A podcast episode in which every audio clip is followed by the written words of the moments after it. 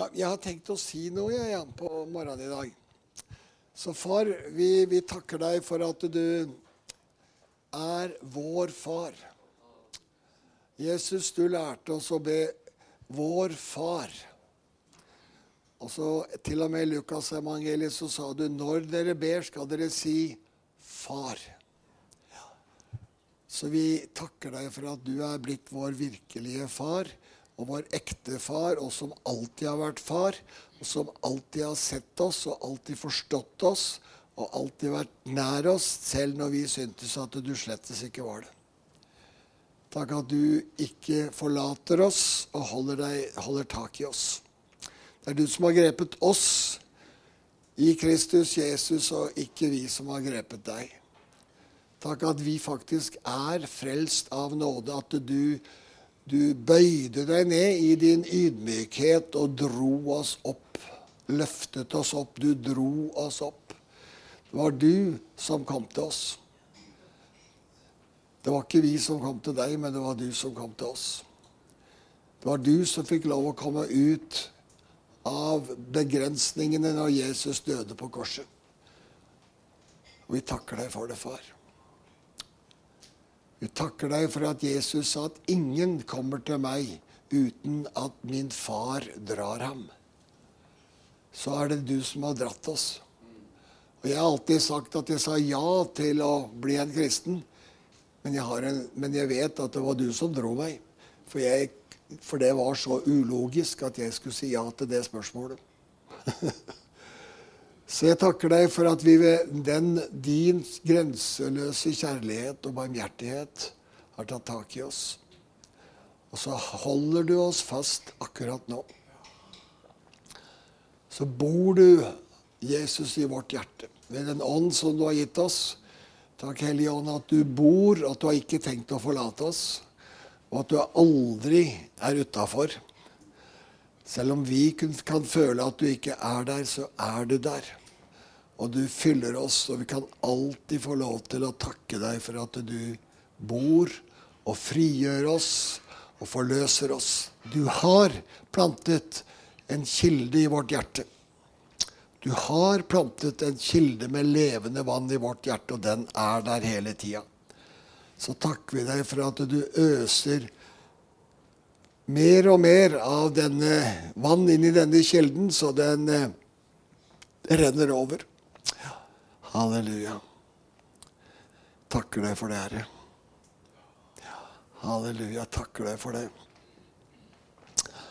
Du vet når en fyller en vannglass opp, og du fortsetter, så renner det over. Det er det, den første talen jeg holdt under Jesusvekkelsen i Frelsesarmeen i Molde i 1974 så gjorde jeg akkurat det. Jeg både hadde grumsete vann og fylte etter, og jeg hadde rent vann og fylte etter. Og fordi jeg gjorde det, så husker Unni den talen en dag i dag. Det gjorde inntrykk på henne, altså. Men det er veldig interessant at et sånt bilde det gjør at at det du sier, blir sittende igjen på en helt annen måte. Og, Jesus var jo fantastisk med det. At han f.eks. bruker et sånt bilde med, med, at hvis du drikker dette vannet Han sitter ved brønnen, ikke sant? Og så prater med denne kvinnen, og da prater han jo om vann. Sjølsagt gjør han det. Bruker det bildet og snakker om det og snakker om at slik er det med ånden. Den er som at du får vann inni deg, og så blir det en kilde med vann som veller ut. Og Det er noe jeg tror vi skal være flinke til når vi preker. Forkynner Guds ord. Når vi snakker med folk. At vi ikke teoretiserer for mye. Og Derfor tror jeg også at det er viktig at vi ikke tenker at 'det har jeg sagt før', så det kan jeg aldri si igjen. Og det er fordi at folk tenker. Mange tenker. La meg ta et eksempel. Eh, dere hører jo stadig at jeg snakker om Einar Lundby. Og når En gang i året så var han i Bogstadveien kapell og talte. Og når han døde, da var det faktisk jeg som overtok og talte på hans dag i Bogstadveien kapell. Og Hvorfor det var sånn, det vet ikke jeg, men i hvert fall Hans Christian Lier han inviterte da meg til å tale. Jeg var jo bare en jypling. Men, men, men, uansett, så jeg gikk hver, det, hver gang jeg visste at Einar Lunde skulle tale i Bogstadveien kapell Jeg studerte jo i Oslo i fem år. Da var jeg der. Og så sa jeg det til studiekamerater at nå skal jeg høre på Einar Lundbya. Men det er ikke noe vits i, for han sier jo det samme. Du vet jo hva han kommer til å si. Kommer til å snalle dem og vandre i lyset. Helt sikkert. Det er det eneste han taler om. Og så sa jeg ja, men jeg vil gå og høre, sa jeg. Ja. Hva, hva, var forskjellen, som ikke jeg overhodet forsto da, men som appellerte til meg? Det var at de var ute etter informasjon. Men jeg var ute etter mat. Jeg var ute etter å forstå og gå djupere fordi jeg visste han hadde en haug av ting i den åndelige verden som ikke jeg kjente. Om så han da snakket om å vandre i lyset Han snakket jo alltid da på slutten av sitt liv om 1. Johannes 1, 8 og 9. han. Og det visste jeg jo. Jeg kunne stort sett historien hans. Jeg kan jo stort sett historien hans utenat. Fordi, fordi at det, det, det, har satt seg i meg. Men, men, det er veldig interessant. Og Derfor liksom så tenker vi at vi alltid må ha noe nytt å si. Ikke sant? Fordi da får folk mat og sånt. Og det er klart, det er veldig bra da, når Gud kommer med åpenbaring, og vi får se noe nytt og høre noe nytt, sånn som vi har gjort f.eks. denne uka her. Jeg tror virkelig det, altså. Fått se inn i noe. Fått smake på noe, ane noe som ligger der. F.eks.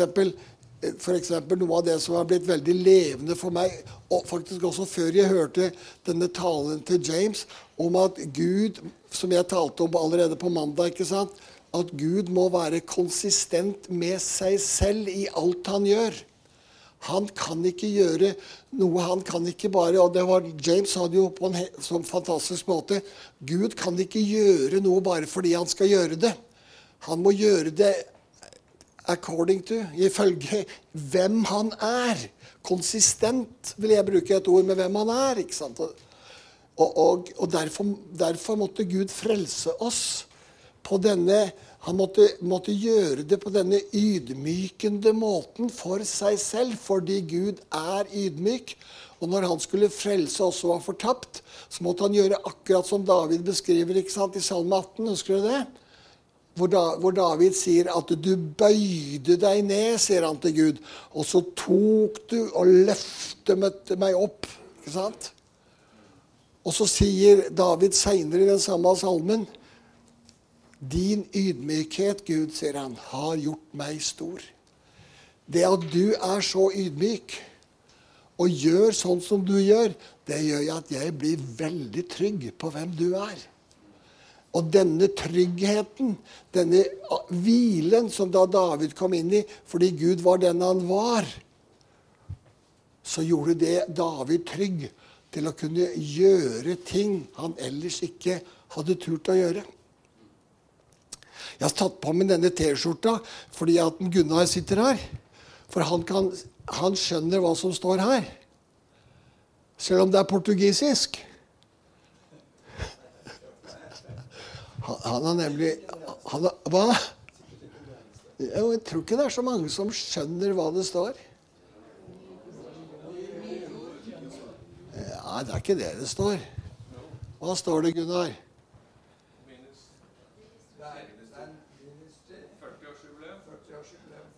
Nei, de 40, de 40 åra skal du bare glemme. Ja, men hva betyr ministry? Nova Terra? Jo, da skal du høre historia.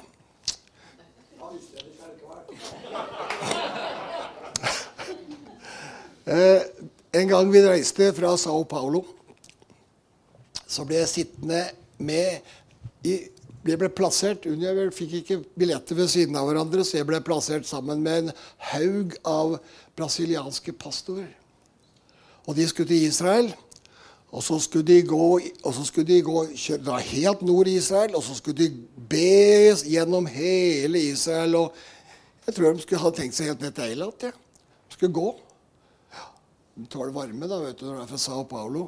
Men, eh, men, så skjønte de litt hvem jeg var, og så plutselig var det en som spratt opp, og så hentet han denne T-skjorta og ga meg. Så her er det en teologi som ikke jeg er helt sikker på. Det betyr ganske enkelt at jeg har fått da en retten til å, en, å tjene i, på den nye jorda. Ja.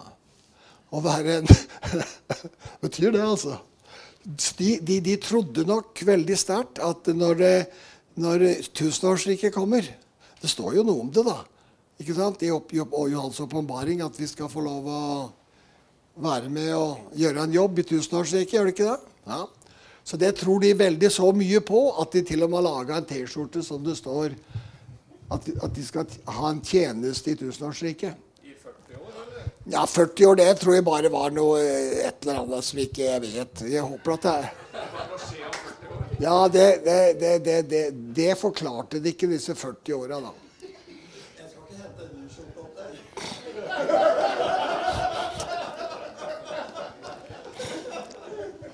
Jeg kan ta, ha på meg Anna når du skal preke, Gunnar. Nei da. Det, var, det var bare en sånn gimmick som vi fikk lyst til på morgenen i dag. Så får dere tåle det. Får tåle min dårskap.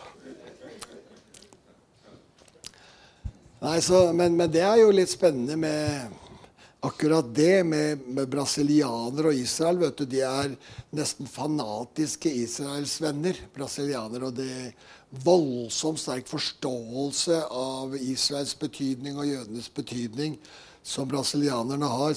Kanskje mer enn noen andre. Og kanskje denne skjorta er et tegn på at de går over the top a little bit. Men Men eh, det er jo fantastisk å være i Brasil. Det er jo vekkelsesland nummer én i verden. Og, ikke sant? Da vi, nå har ikke vi vært der på noen år, men, men da regnet de i hvert fall 20% av befolkningen som gjenfødte kristne. Og når du da har 200 millioner, så er jo det noen folk, da. Ikke sant? For 20% av 200 millioner, det blir litt folk, det. Da nærmer du deg to ganger to er fire. Da nærmer du deg liksom befolkningen i ja, ikke England, men kanskje et land på 40 Spania, kanskje. Italia eller noe sånt noe. Som er født på ny. Og, eh, og det, er litt rar, det er litt av hvert som foregår i Brasil. Ja, det, det vil alltid være noen merkelige greier som foregår òg, men det tror jeg er veldig mye bra òg. Og vi var alltid i en menighet som het akkurat det samme som vår menighet. Familiekirken. Så det var der vi var i, i Ja, der var, der var det. Jeg hadde lyst til å ta, snakke litt om eh, Fordi jeg altså sa det jeg sa, så jeg har lyst til å snakke med, om noen begreper som er veldig kjent for oss, og som ikke er nye for oss, og som jeg føler er, er, er ålreit å snakke om i sammenhengen med dette som Stephen Hill har delt, dette som Martin har delt, det vi he, i det hele tatt har delt. Så, så er det, er det, liksom noe veldig fundamentalt som jeg har lyst til å snakke om, men også kaste det inn i et, i et litt annet perspektiv. Og Da har jeg lyst til å snakke om eh, nåde. Og eh, det er jo dette hovedbegrepet Paulus har nåde. Eh, nåde det er et veldig viktig begrep. Det er interessant. Hvis dere tenker etter, så, finner, så Johannes bruker aldri det begrepet. Ikke sant? Gjør han det? Jeg tror ikke det. Jeg tror ikke du finner at uh, du finner ikke det begrepet noe særlig i hos uh, Peter. eller det er, det, er, det er, et typisk paulinsk begrep. Så vidt jeg kan forstå. Jeg har ikke slått opp, så hvis dere slår opp nå på googler dette her, så finner dere kanskje at det er brukt et eller annet sted. Men i hovedsak så er det et begrep Paulus elsker. Charis på gresk, som betyr gratis. Det betyr at det er noe som gis deg gratis. Altså Du kan ikke arbeide for det. Og det er akkurat det som er litt av poenget også med din frelse. Fordi at vi sier ikke sant, at 'jeg ble frelst, og jeg bestemte meg, og jeg gjorde ditten, og jeg gjorde datten'. Jeg er ikke så sikker på at du gjorde det. Jeg har en voldsom tro på at det var Gud som virkelig dro deg og fikk deg til å jeg tror det. Jeg tror veldig på når Jesus sier det, at uh, ingen kommer til meg, sier han, uten at far drar ham. Vi sitter nemlig fast. Og vil ikke nødvendigvis komme ut av det vi sitter fast i, fordi det er et mer eller mindre sterkt grep. Og dessuten så Det er ingen som, som har smakt kunnskapens tre, som lettvint gir det fra seg. Fordi at da kan du bestemme sjøl. Jeg vet hva jeg har, men jeg vet ikke hva jeg får. Og det å bli en kristen, det er jo å gi bort livet sitt. Og det, det er jo ikke noe du gladelig gjør. Så er det noen da som sjølsagt får et sånt møte at de ikke har sjans. F.eks. når, når Sjur forteller om sin omvendelse, så han hadde på en måte ikke sjans. Men det var jo fordi at du ble dratt. Det var ikke du som la opp til at ja, nå skal jeg få møte et lys som ingen kan Ikke sant? Det var ikke du som la opp det lyset. Nei, Det nytter ikke å slå på en bryter.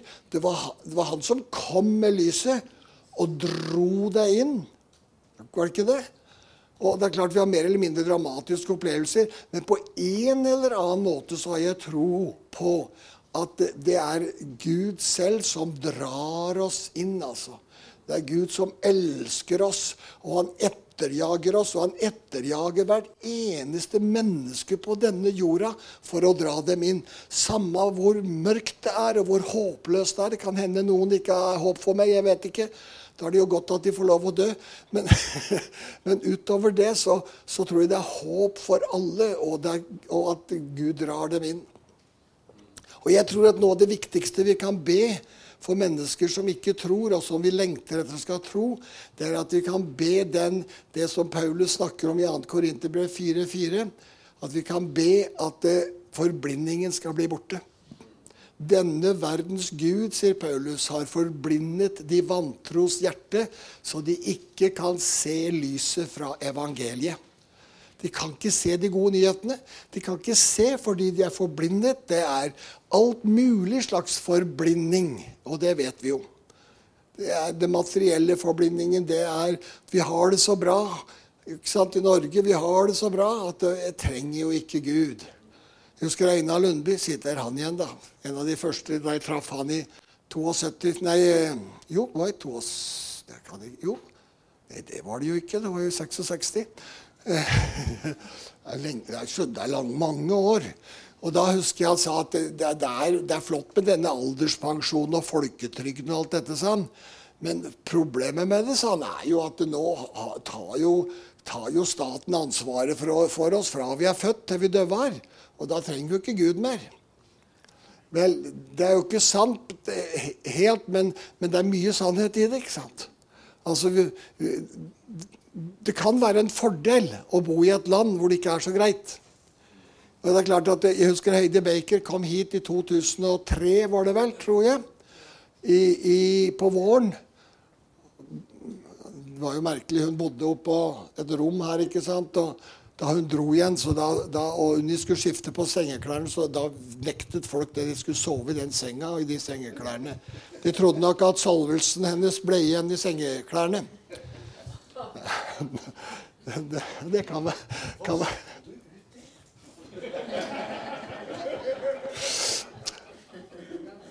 Ja Hva, var det jeg skulle si nå? La, la, la, dere, la, dere, forresten merke til noe interessant når James Jordan talte. Telefonen ringte. Måtte slå av den, og da falt han ut. Sant? Det var en annen gang. My, my, min dumme kone, sa han. Han sier det. My, stupid, my dumb wife. Det har antagelig hun gjort et eller annet, vet du, for hun satt jo ved siden av han, vet du.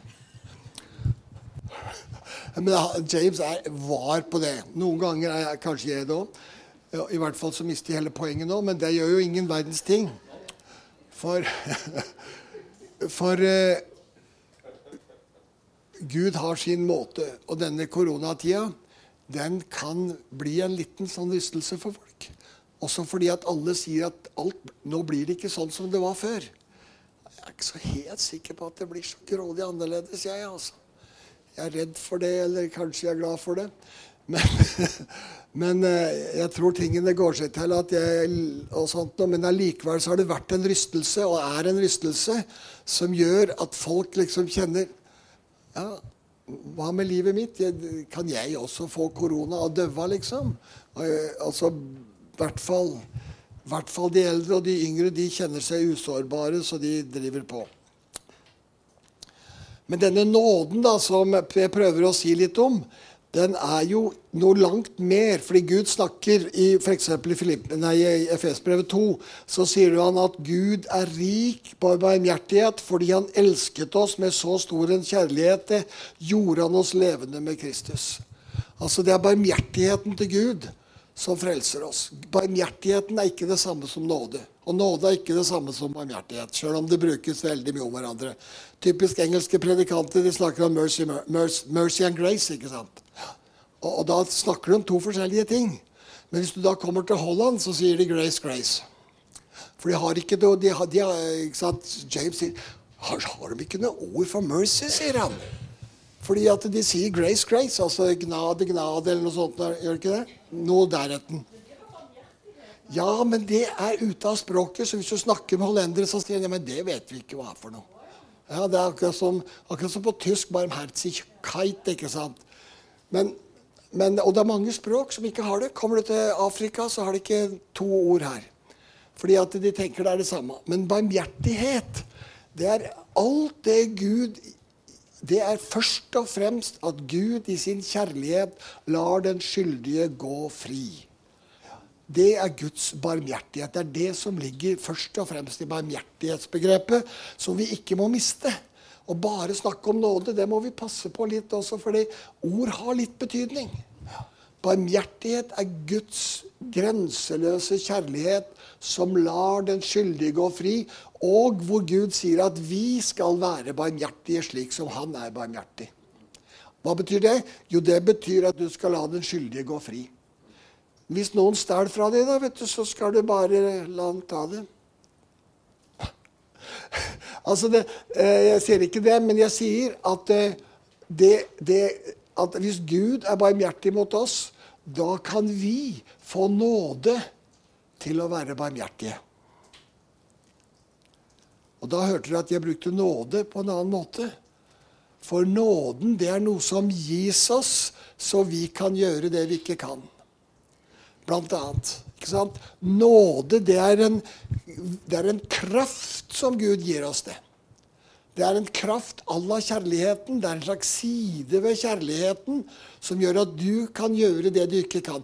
Du vil f.eks. finne i engelske bibler og det finner du veldig lite i norske bibler, at mange ganger så er nåde oversatt med favør. Har du oppdaget det?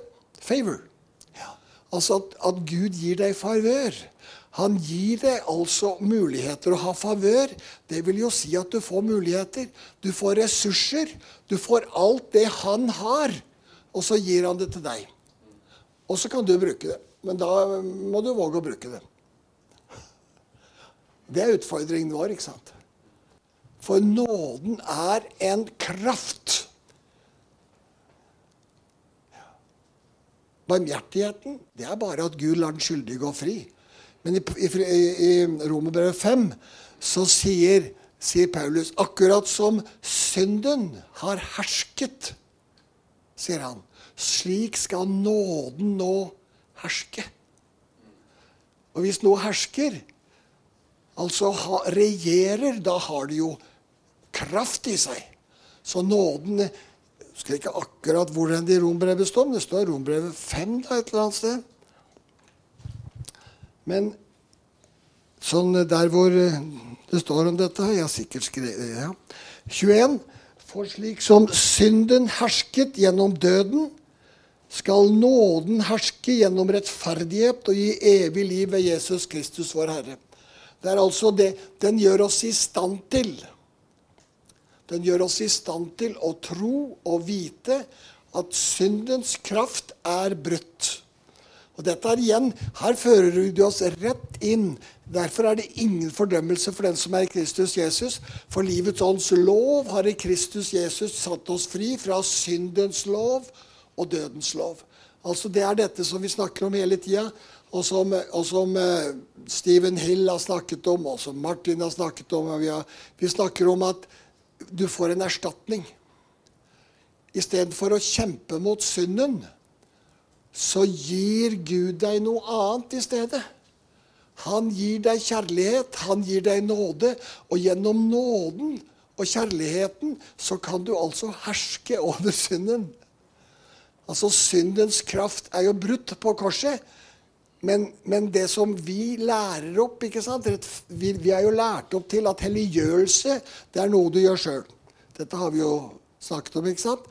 Helliggjørelse Du blir frelst av nåde, men helliggjørelsen det er din jobb. Det er ingen tvil om at det har, vært, det har jeg drevet med i 30 år, ja. Og mer enn det. Og helliggjort meg sjøl. Og det blir du grådig sliten av. Heldigvis har jeg også opplevd midt oppi alt dette at synd som jeg har kjempet med, plutselig er blitt borte. Så, så, så, så midt oppi at jeg ikke har skjønt så veldig mye, så har Gud vært full av barmhjertighet og nådig og, og, latt meg få lov å se at oi, hvor ble det av det? liksom? Dette som var så vanskelig, så nå er det ikke der mer. Og det er jo at Gud virker både å ville og virke til sin. Ikke sant? Han, han og, og, og, La meg ta det ordet ikke sant, i, i Filippebrevet 2, 12 og 13, som er et av disse helliggjørelsesordene til, eh, til evang, de evangelikale. Arbeid på din frelse, står det, og så setter de punkt to.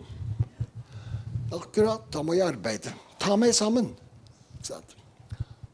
Og så tar du deg sammen, og så blir det bare verre. Og dess mer du tar deg sammen, dess verre blir det. I hvert fall kan det bli verre. Hvis du ikke da er veldig disiplinert. Og det er klart at de, f.eks. la oss si narkomane, alkoholikere, folk som har fått ødelagt viljen sin. Viljen er ikke lokomotiv i livet deres. Det som er lokomotiv, er følelsene. Hvis du tenker deg at, at sjelen er som, et, er som, et, tog, så har du vilje, følelser og tanker. Noen er så tankestyrt at alt ikke sant? De, de, de, de, skjønner ikke at de ikke kan gripe Gud med tanken, tanken, for de er så tankestyrt. Det er ikke så greit. Men veldig mange er følelsesstyrt. Og særlig den, mange de som har et svar, har levd mye i elendighet og har mye bakgrunn. De har ofte et ødelagt følelsesliv. Og hva er da lokomotivet i livet? Jo, det er følelser. Og når, og når, da følelsene styrer både vilje og tanke, ja, da går det rett utfor stupet. Og så plutselig får de et møte med Gud, og så går det rett opp igjen.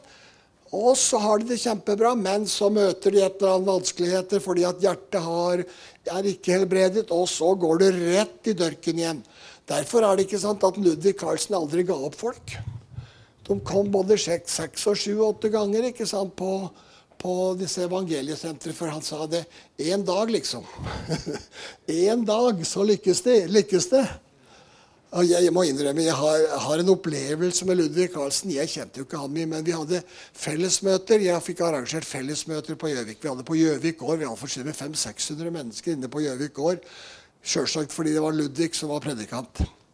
Og så ba han meg og et par-tre andre om å være med og be for alle som kom fram. Det var en, fantastisk opplevelse. Fordi når du kom under paraplyen hans Dette er jo 1997 eller 8 eller noe sånt. Nå. Når jeg kom under paraplyen hans, så kom jeg under salvelsen hans. Og jeg kjente at jeg kunne operere på en måte som jeg aldri hadde operert før. Du verden så flott dette var. Jeg kjente bare at kjærligheten fløt, og alt fløt, liksom. Og, det, og det, var, det, var, jo ikke mitt, det var hans. Så, så, så det, han var en, en, forerunner og et helt spesielt utrustet og ja, Han var full av barmhjertighet og nåde, den mannen, som, eh, som jeg opplevde den, eh, den dagen. Og, og, jeg, og, det ga meg en forståelse, ikke sant? for jeg erfarte hvordan det var å være i nærheten av han, og, og hvordan det virket. Og slik, slik, slik, tror jeg det skal få lov å være. At mennesker, vi, vi, skal få også lov til å være mennesker som bringer noe som gjør det bra for folk. Ja, man kan bare prate, vet du, for jeg prater, jeg òg. Så nåden, den er altså en kraft, en herskermakt, sier Paulus. Og her i, i Efeserbrevet så sier han at eh, i det han har snakket litt ikke sant, om at vi var alle én gang Under nåværende verdens vis så var vi ledet av herskeren i himmelrommet, den ånd som nå er virksom i de ulydige. Dette er jo definisjonen på farløsheten. Dette er et av de versene jeg bruker når jeg snakker om The Orphan Spirit. Dette er bildet på farløsheten. Og det er jo her og dette er et bilde på vår tilstand før vi er født på ny. Men det betyr jo ikke at vi ikke var, at vi ikke var, eh, at vi ikke var skapt av Gud. Ikke sant? Og vi må ta en, en, en, ekstra runde på det, for dere kommer helt sikkert til å møte eh, Martin har jo allerede korsfestet, det, hadde jeg nær sagt. Men dette at eh, Jesus sier til fariseerne dere har djevelen til far. Og det, Jeg må jo si jeg trodde lenge at det betydde at folk nærmest som ikke var frelst. Det var jo ikke noe gjennomtenkt tanke. Og det er det som er typisk i den evangelikale sammenheng. De, de, har ikke gjennomtenkt disse tingene. Og så bare ser de dette verset, tar det ut av sin sammenheng, og så sier de alle som ikke er født på ny, har djevelen til far. Altså i betydningen det er, det er han som har skapt dem, nærmest. Ikke sant? Og det var det jeg møtte denne profeten ikke sant? i California. Har det noe å si, liksom, hvor vi kommer fra?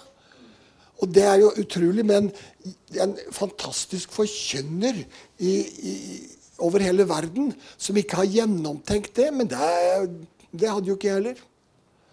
Jeg hadde aldri gjennomtenkt det om ikke James hadde denne åpenbaringen først og fremst fra apostelgjerne 17. ikke sant?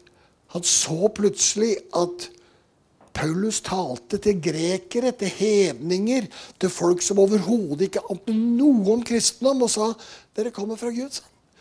You're God's offspring. altså Dere er, dere er Guds slekt. Og Hvis vi er Guds slekt, da må vi komme fra Gud. ikke sant? Men det Paulus, det, det Jesus sier til disse fariseerne, det er at det, han som styrer dere, samme som Paulus sa her ikke sant, i 2. Korinterbrev, denne verdens Gud har forblindet. Dere, dere, har, dere lever i den Dere lever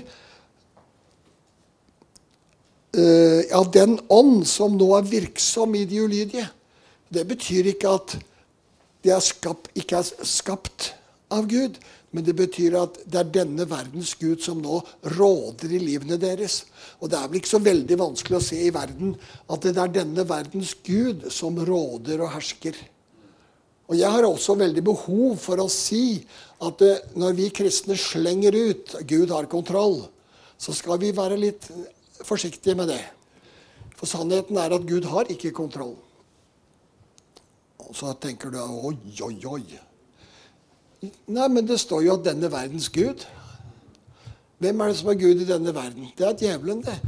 Og det er klart at Gud når alt kommer til alt, har kontroll. Han vet jo hva han driver med. Og han kjenner oss, og i våre hjerter bor han og har kontroll. Men denne verden er ikke under Guds kontroll. Fordi, ganske enkelt, vi ble gitt å ha kontroll. Vi ble gitt dominion, som de sier på veldig Vi har liksom ikke ordentlig ord på norsk, så vi er jo gitt dominion av Gud. Og når Gud har gitt oss det, så har han gitt oss det. Og når Adam og Eva valgte å få en annen skal, og, og, som da skulle dominere, og etter hvert ta kontroll og herske, ja, så, er, så kaller Paulus han for denne verden Gud. Og Han sier at det, det er de ulydige. ikke sant? Det er situasjonen i verden. Og da må vi være litt forsiktige. fordi ellers så ender vi opp med, sånn som masse folk sier i dag, at ja, denne koronaen, det er Guds dom. Gud har sendt korona for å dømme verden. Det er et en forståelse av Skriften som ikke jeg er med på. For Gud sender ikke korona. Men derimot så kan djevelen godt sende korona. Han kan finne på litt av hvert for å, få, for å ødelegge Hans oppdrag, oppdrag, er jo å ødelegge oss og ødelegge Guds skaperverk. Fordi han har blitt ond. Som en Gunnar her om dagen. Han valgte, valgte han å bli ond. Nei, men fordi han ble stolt og opphøyde seg selv og ville bli lik Gud, så ble han ond. Det, det, det, var det som skapte ondskapen. Og nå er han den som hater alt det Gud gjør. Og han hater da spesielt oss som Guds barn. Men så får vi lov til å være i en beskyttelse. Og få lov til å være i en, trygg, en trygghet. Jeg kommer noen ganger tilbake til den det var en gang i Toronto vi hadde hatt en ledermøte inni et sånn De som er godt kjent der, vet at det er sånn barne, barnesgreie inni der, med en sjiraff og litt av hvert vi hadde vært inni der. Og jeg, Da vi var ferdig, så var jeg ganske raskt og gikk ut derfra. Og så var det en av disse profetene som kom løpende etter meg. Han hadde nok syntes han hadde sett noe, da. Så, så, så, så, så sa han det at, så profeterte han over meg om at du skulle være leder blant ledere og alt mulig sånt. Som, ja, et eller annet. Men så sa han noe interessant. Du er midt i en tornado, sa han. Oi, tenkte jeg, dette høres ikke bra ut. Men, sa han, du er i sentrum av tornadoen. Og der er det helt stille. Og jeg faktisk opplever meg sånn. Jeg, jeg, opplever at det er helt stille. Og jeg har en følelse av at eh, det er mye som kaos og greier. Men det er akkurat som eh, det ikke rammer meg. Akkurat som jeg lever her oppe og det kan, ja, det kan jo være uvær her, men ikke åndelig uvær. Så, så, jeg tror at vi kan få lov å være i sentrum av en tornado. Og der er det stille. Og så er det klart at det, den, det er mye, mye, som foregår rundt oss. Ja, så dette var liksom en liten sånn hjertesak fra min side, slik at vi skal være litt forsiktige med, med dette og bare slenge ut Guds allmakt. For Gud er allmektig. Og Gud kan stoppe alt dette nå. Og han kan la Jesus komme igjen nå. Han kan gjøre alt det han vil, han. Og han kan stoppe alt dette, men det, så lenge han ikke gjør det, så er denne verdens Gud. Og han driver og roter til, og han har mange mennesker som han kan bruke. Og derfor så blir det mye kaos. Han kan til og med la noen kinesere finne ut at nå skal vi lage et virus her. og lage noe ikke sant? Jeg sier ikke at, at det er sånn. Det, jeg tror dette kommer fra Men altså, det er jo kineserne som har ansvaret for det. For når SARS kom i 2003, så visste de at det kom fra at de hadde disse markedene med ville dyr, og at det var noen mutasjoner til noen andre, og så gikk det til mennesker, og så fikk vi SARS, som heldigvis ikke vi kjenner så godt til, men som rammet Amerika ganske mye, og rammet mange land. Det var jo en tilsvarende koronavirus. Og så la de ned alt dette her, men så åpna de opp igjen. Så det, så det er jo deres ansvar at de driver en slags ja, de driver salg av noe som de ikke skulle drive salg av. Og så Derfor så kommer det derfra. Og det er faktisk kinesiske myndigheters ansvar, denne koronavirusen, samme åssen du ser på det. Og, eh, og, det er klart at er det et land som fienden har stor makt i, så er det jo Kina. Selv om kanskje 20% snart er kristne så, så, så, er det allikevel sånn at det er noen helt andre i Kina som er, hersker og råder. Så det var litt om eh, kontroll og ikke kontroll hadde jeg nær sagt, fra Guds side. Slik at vi er litt at vi, ikke, at vi er bevisste på at vi ikke skylder på Gud det som djevelen gjør. For det er det som jeg er så irritert på. Og det kjenner jeg fra teologistudiet mitt på MF, at det var en av de store svakhetene. Det var at de tok ikke djevelen på alvor. De gjorde ikke det. altså, Tok ikke fienden på alvor. Og da begynte man med det ondes problem, som om all ondskap skulle liksom komme fra Gud, nærmest. Og, og, eh, og det har faktisk sammenheng med noe som jeg sa på et møte som vi hadde her. Det har sammenheng med Nå skal jeg bli litt teologi her nå. Men, men, Martin driver litt med teologi. Du vet, Det er tre forsoningslærer som, i, i, som er ute og går i verden. Det er den subjektive forsoningslæra. Det er universalismen. Det er at fordi Jesus døde på korset, så har alle frelst, alle kommer til himmelen. Det tror vi ikke noe på. Men så er det den objektive forsoningslæra. Og den forsoningslæra den tar på alvor synden og den tar på alvor at Jesus døde for å sone vår synd, så vi kunne bli rettferdige. Kort sagt. Men den bryr seg ikke noe særlig om Jesus, hva Jesus gjorde på korset ellers. Nemlig, Den tar ikke på alvor det som står i f.eks. Kolosserbrevet 2, 14 og 15. Der står det at han tok skyldbrevet vårt og naglet det til korset. ikke sant? Og så står det i verset etterpå og han triumferte over maktene og myndighetene på korset. Og den forsoningslæra som tar det på alvor, det er den gamle, klassiske forsoningslæra. Den heter klassisk. Men Luther tok ikke den på alvor. Og, og, enda han burde jo gjort det, han som har skrevet 'Vår Gud'. Han er så fast en borg, han er vårt skjold og verge. Ikke sant? Om djevelen full av, om verden full av djevler var. ikke sant? Og det er jo ikke grenser som han smæler til altså, i den eh, salmen. Den er frisk som bare det. Burde synges litt mer.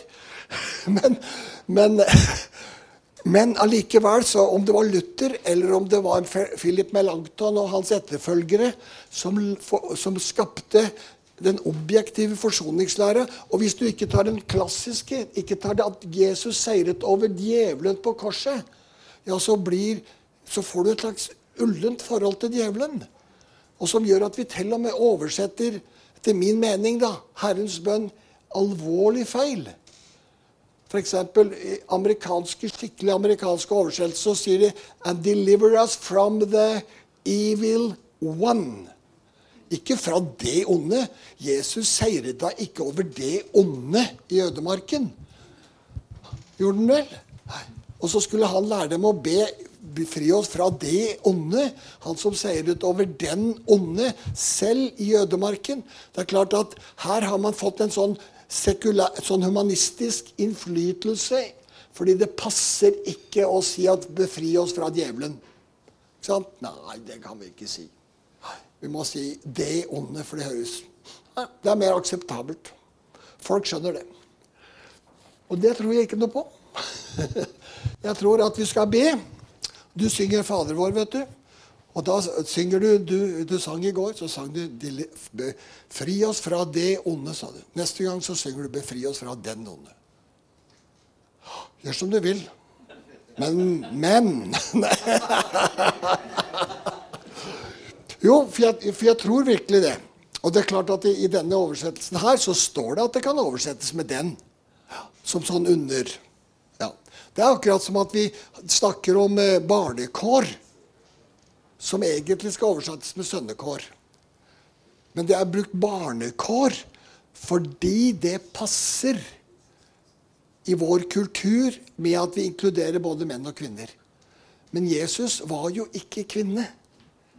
Han var ikke datter, men han var sønn, og det er hans sønnekår vi får. Derfor ville det vært mer korrekt å oversette med sønnekår og ikke barnekår ut fra forståelsen vi ser at vi er blitt sønner. Og det er både kvinner og menn er blitt sønner, for vi har fått Jesus sønnekår. Og han var sønn og ikke datter. Derfor så blir barn en, forsk, en Det forsvaker Det forsvaker sannheten i de ordene til Paulus. Og, og på gresk, siden jeg da har forberedende prøve i gresk, i hvert fall og har lest gresk et halvt år, i hvert fall, så vet jeg at det ordet som står på gresk, kan bety begge deler. Barn, sønn. Barn, sønn. Like. Så du kan velge, altså. Men da velger vi barn av ja, jeg kan si litt av praktiske grunner. Men også av manglende åpenbaring. Mangel på åpenbaring. Stadig så slår dette gjennom, sjølsagt. Så skal du kunne forvente at den, han, eh, Hans Kvalbein, vet du. Hans Kvalbein han har jo vært en viktig del av å oversette denne, bibelen her. Broren hans Asbjørn, vet du. Min professor i teologi på MF. Han var den som jeg kunne stole på. For han, eh, han var, var, en skikkelig mann. han var ingen av disse liberalistene. Og han, jeg husker han sa at eh, når vi skal oversette Bibelen igjen, sa han For han likte ikke 78-oversettelsen. Da skal vi sørge for at den er mye mye nærmere grunnteksten sa han, enn den 78, som er Han syns den var flaky, altså. Uh, og, eh, så, så der, og, Derfor er denne oversettelsen som jeg bruker her, den er mye mye bedre. Den er ikke god på alt, nei, det er den ikke, men, men den er mye mye bedre enn f.eks. 78-oversettelsen. Jeg bruker den, for den er godt språk. Og jeg anbefaler den, jeg, altså. Men du kan gjerne ha noe annet ved, ved siden av. Så da, da så får du det. ikke sant? Og for eksempel så oversettes her der, det bruker, og, eh, Miskunn i den gamle så brukes det barmhjertighet her. Det er jo fordi at dette ordet miskunn det er jo et sånt vanskelig ord. Hvem betyr, hva, hva tenker du når du hører ordet miskunn? Hvis du ikke har vært i kristen i 90 år. Du, du, du, det er et sånt mystisk ord. Du skjønner at det er noe med godhet og sånn å gjøre. At Gud, altså, ikke sant, I gamle dager så sang vi 'Miskunne deg over meg'. ikke sant, i denne her, ikke sant, Gjør du fortsatt det? Nei. Ja, Men dette du vet, Miskunn, det betyr Hvis du leser f.eks. Jeg har jo jobba mye med det ordet på gresk. Og finner ut at det nærmeste jeg kommer på et vettugt språk, er ufeilbarlig kjærlighet. For det ordet kan nemlig bety kjærlighet. Og det er en kjærlighet altså Når Gud er miskunnelig, så, så, så gir han oss ufeilbarlig kjærlighet. Altså, ikke, sant? ikke bare kjærlighet, men den, det er som om Gud vil si 'Jeg kan ikke feile i min kjærlighet', altså. Ikke sant? Så, så da, får du, da får du liksom Da skjønner du litt hva miskunn betyr. Nåde gjør oss altså i stand til Klokka fem på elleve? Kan ikke være sant. Trykk slå tilbake. Ja, jeg, jeg, jeg, når jeg satt og jobbet med dette, så tenkte jeg en av de mest fascinerende ting jeg vet, er å følge ørna. Og når ørna har reir, og så, og så får den unger og så på et visst stadium så er unga så store at de må ut av reiret. Så er dette reiret oppi en fjellkløft, ikke sant? og det er langt ned og alt dette her. Og, og nå må de fly. Koste hva det koste vil. For hvis de ikke flyr, så vil de jo daue. Og så kommer det til det punktet at, at de kaster seg ut, eller de dyttes ut, eller hva ørnemor og de gjør. ikke sant? Og så barker det av gårde. For de er jo ikke veldig flinke. De har aldri prøvd det før. Aldri gjort det før. ikke sant? Det er nytt. Men så er det at mor, vet du, eller far, svever over dem. Og hvis dette ikke går bra, altså, så slenger de seg ned og hogger tak i ungen. og Så får de en ny sjanse. det hender at det går gærent, tror jeg. Men eh, men sånn er det, sånn er det med livet. og, og, sånn er det med veldig mye av det som vi gjør. Jeg husker vi, vi i 1973 så på Gjøvik, ut fra Jesusvekkelsen, så var det mye var det jo noen narkomane, og det var alle slags folk som ble frelst. Ikke? Men vi hadde ingen mulighet til å hjelpe folk og ta oss av folk vet du, på gata. Og så var det da at vi fikk dette her eh, småbruket, Rambekk Søndre, av kommunen. Og så hadde vi noen folk der, bl.a. faren hans Gunnar og noen andre. Og Trygve Berntsen, som var en av de, de, de lysende folka i Gjøvik, vil jeg si. Eh, i, I åndelig forstand og på alle måter. Han hadde jo sånn goodwill hos alle at han fikk alt, han, alt Når han gikk i en butikk og spurte om noe for dette her, han fikk alt den lille. Absolutt ingen som noensinne sa nei til en Trygve. Døde dessverre bare 59 år gammel. Men, men eh, han Så vi bygde opp dette stedet, Jesu glede. Og så flytter vi inn der, da. Og, så, og, og dette var jo i bispedømmerådets regi. Men de, de jo, hadde jo ingen sans for at vi trengte noe. Nei, biskopen og de, de syntes Grei dere sjøl, sa de. Vi fikk ikke fem øre fra noen. Ingen var villig til å gi oss noe. Vi skulle bare være der, vi. Og det var vi. Så vi måtte jo satse på at vi fikk underhold, for det var ingen av oss som jobba. Så ja, det var vel en og annen som var sånn eh, som havna der, som da hadde noen dagpenger. Men, men, men, det var jo også å gå ut i tro på at Gud ville ta seg av dette her. For, jeg vet ikke, Men det var nok noe med ånden da. Det, var, ja, det, det regner jeg med som sjølsagt at det ville Gud gjøre. liksom. Og det gjorde han jo. Men det er klart at vi hadde våre begrensninger. Kanskje var jeg litt for gjerrig òg. Det var ikke lov å ha mer enn ei teskje med sukker i teen og sånn. Var det ikke det, Gunnar? Nei, og ikke to pålegg, nei. Nei. Nei. Må være grenser. Så vi, så vi, var, eh, vi var nøkterne. Veldig nøkterne. Eh, og vi levde.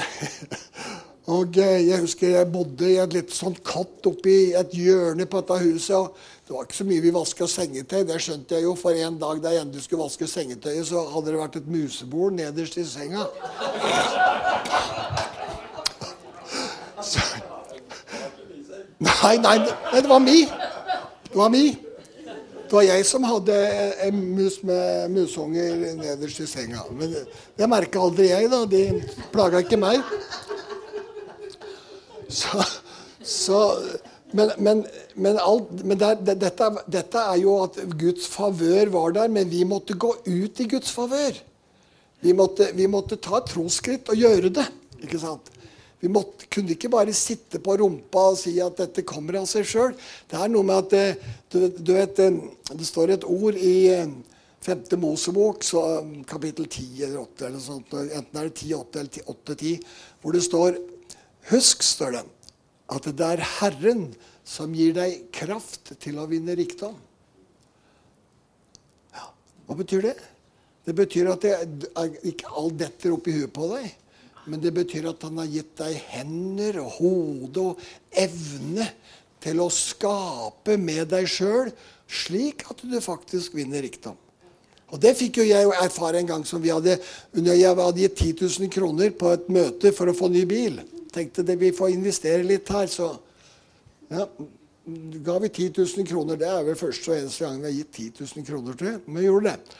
Så På veien hjem da, så ringer han Sondre og så sier han, taket ser han har landa i gangen. Har landa på gulvet, han. Og det er mett av vann overalt. Så, så er det vart vann, sier han. Det rennes ned i kjelleren òg.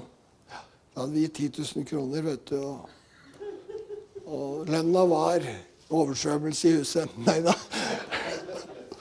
Men vel, det som vi gjorde da, det var at vi brettet opp armene, fikk ordna opp og ordna til forsikring og sånn. Og særlig når unga gjør ting, vet du, så, jo, så da er jo forsikringa veldig snill.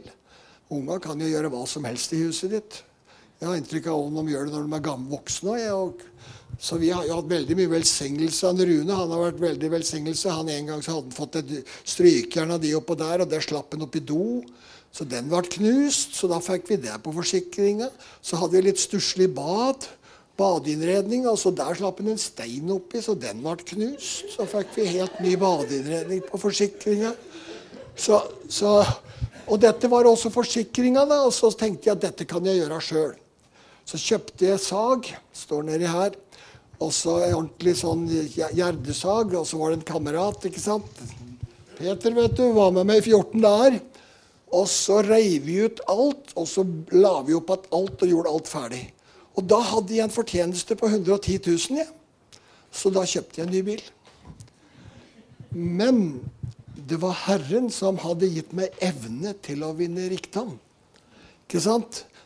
Det var altså, Nå kan du si at det var forsikringa òg, da, men men i hvert fall så Hvis, jeg, hvis, hvis jeg hadde sagt at nei, dette vil ikke jeg gjøre, snekker og hadde kommet inn, så hadde det for det første så hadde det blitt dobbelt så dyrt. Men da hadde jo ikke jeg fått noe. Da hadde jo, jeg hadde ikke fått fem øre. Så Vel, vel. Dette her går helt galt ut, men men, men men det jeg prøver å si, er at Nåden er favør. Gud gir deg favør. Han gir deg velsignelse, han gir deg muligheter til å gjøre det du ikke kan. Han gir, F.eks. det at vi kjøpte dette stedet her, det var en skikkelig trossak for meg, altså. Det var tøft, altså. Jeg dro i dag opp til Gottfred og Gerd for å høre hva, hva, de hadde å si. Men på veien opp så husker jeg stoppet et eller annet sted oppe i Trøndelag, og så hadde jeg en time og ba. Så kjente jeg jo, jeg tror jeg skal gå for dette her, altså. Kjente for det. Så kom jeg til Gottfred og Geir, og, og, og, og Gottfred sa nei. Vil ikke svare deg på noen ting. Dette får du finne ut sjøl. Han var en veldig vis mann, skjønner du. Geide, han var vis. Så for han tenkte dette får du stå for sjøl. Og det var riktig, det. Men det var en voldsomt tøff tid. altså. Når jeg kjøpte dette, så måtte jeg jo sitte med huset i Gjøvik. Fordi at her måtte du ha konsesjon, så dette måtte jo gjennom flere sånne organer. Og Jeg må innrømme at i februar i 2001, da hadde kongen dødd, og det var krig i Afghanistan, rentenivået var nesten på 15 Da hadde ikke Olav det så greit, altså. Hva jeg sa Nei, han døde, han døde den 16. januar 91. Men jeg er ikke så flink på sånn når jeg preker. Det kommer Ja, det er fint. Ja, og, og det var altså helt dødt i boligmarkedet. Arnfinn kan bekrefte det, for han drev med det samme. så, så, så Jeg husker da var det noen ganger altså da vi, om kvelden at når Unni hadde lagt oss, som jeg krabba bort hånda mi bort og tok tak i hånda til Unni, for jeg hadde jo litt behov for trøst og litt omsorg. og og jeg husker at jeg, jeg jobba på Biri da, så tenkte jeg ja, blir det for gærent, så kan vi da bo i telt. Så, så sterk var min tro. Men så har jeg en kone da, som har mye tro. Så sa hun nå gjør vi noe sånt. Så nå lagde vi en ordentlig fest. Det var ikke så stor fest, men det var liksom mat som unga likte, og vi hadde fest. Og så tilba vi Gud og hoppa og spratt litt rundt, sikkert. Og så sa vi takk for at huset er solgt. En uke etterpå så var huset solgt. Midt oppi elendigheten. Så, så, men, men, men allikevel så fordi hele poenget med det var at jeg sto på et For vi hadde jo et flott hus på Frusetenga. Så utover Mjøsa der sommeren i, i 90. Og så sa jeg til Gud Takk for dette flotte stedet du har gitt meg. Og så sa Gud Jeg har noe bedre for deg, han. Ah, det går vel ikke bra. Det går vel ikke an. Men det var dette. Og derfor er dette her. Fordi at eh, jeg måtte begynne å se meg om og spørre Gud hva er det som er bedre. Siden du sier at du har noe bedre. For det var liksom så tydelig. Jeg har noe bedre. Og så fant vi dette stedet her, da, som vi absolutt ikke kunne tenke oss å kjøpe. For det var ganske nedslitt og, og sånn. Og jeg dro ut hit, og Unni og jeg gikk rundt der, og så så jeg på Unni at ja, nei, glem dette stedet her.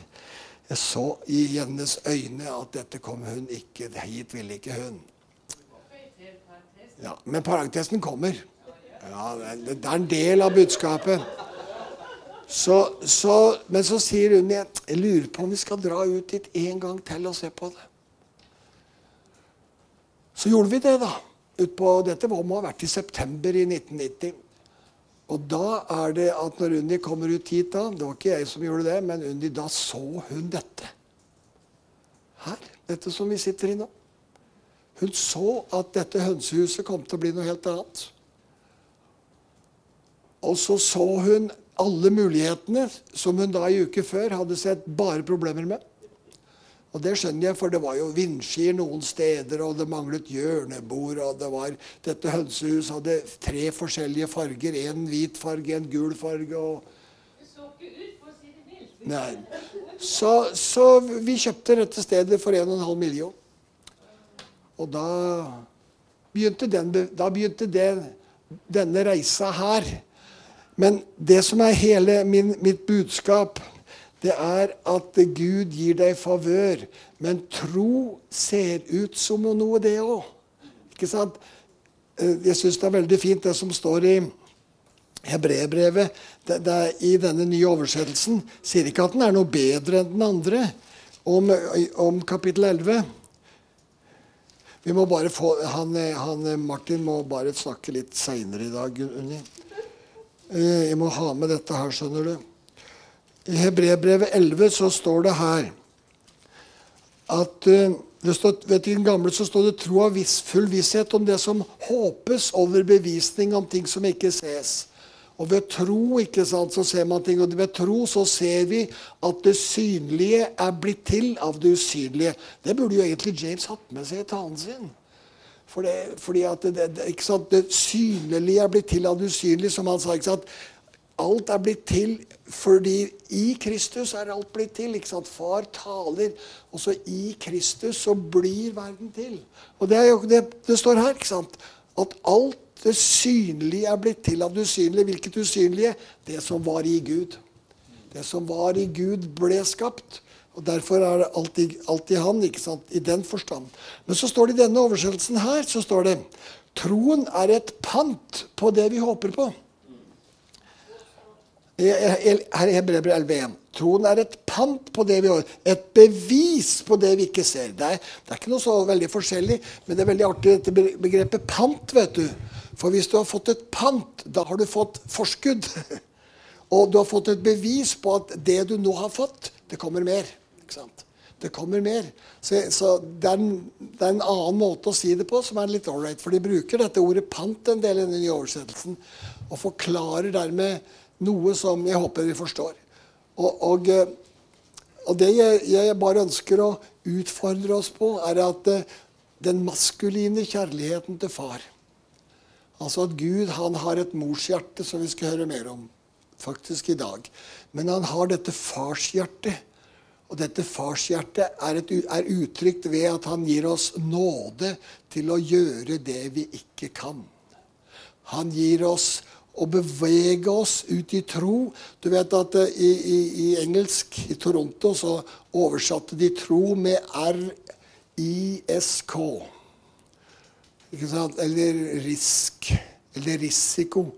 Tro er lik risiko. Ja, for det er det. Det var jo en risiko når vi kjøpte dette her. Det er alltid en risiko å gå i tro. Fordi, fordi du er jo ikke der. ikke sant? Det er jo noe usynlig foran deg som du tror vil komme, som du tror vil hende. Og Derfor må vi våge å bevege oss inn i det som skapes i vårt hjerte. Og det er det vi lærer nå. ikke sant? At vi skal leve ut fra vårt hjerte. Og det modne mennesket kan gjøre det. Det umodne mennesket trenger av og til litt sånn hjelp til å ikke ramle utfor uh, veien og sånn. ikke sant?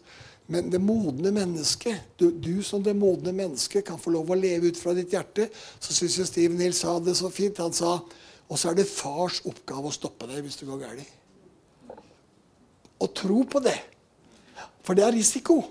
Det er nemlig risiko å leve ut fra hjertet. Og derfor er det veldig mange som er livredde for det vi står for. Fordi de tenker det er trygt når du har loven og skikkelige sånne gjerder på begge sider. Her kjører vi, og om det er høyt ned, så er det ingen muligheter for å komme utfor. Men så her skal vi altså kjøre på en vei hvor, hvor det ikke er gjerde ned. Det er som å gå på tur vet du, i, i New Zealand ned til denne svære fossen. Og der er det mange steder du går rett ned. Eller som å gå i Jotunheimen, ikke sant? hvis du skal gå her eh, farlige ruta fra Memrubu til Gjendebu. Og så skal du ned bukkeleger, og det er blankis, hadde jeg nær sagt. I hvert fall glatt. ikke gå der når det er blankis. Men, eh, og da er det klart at det er risiko. Du kan jo falle utfor. Så hvis du ikke skal ta risiko, så ja. Men det verste er ved at du ikke tar risiko, er at du kan ramle på blanke veien, slå huet nedi og døve. Ja, for det er mulig, det òg. Så da er det mye bedre å ta Å dø for noen som er verdt noe, skal jeg til å si. Så, så Det er egentlig det jeg hadde lyst til å si. Jeg tenker bare Tenk på Moses. Står der ved Rødehavet. Hæren kommer bak. Og han hadde gjort dette litt av et ansvar. Hæ? Litt av et ansvar. Han hadde ledet dem inn i ei slaktegryte på en måte. Ser du menneskelig på det?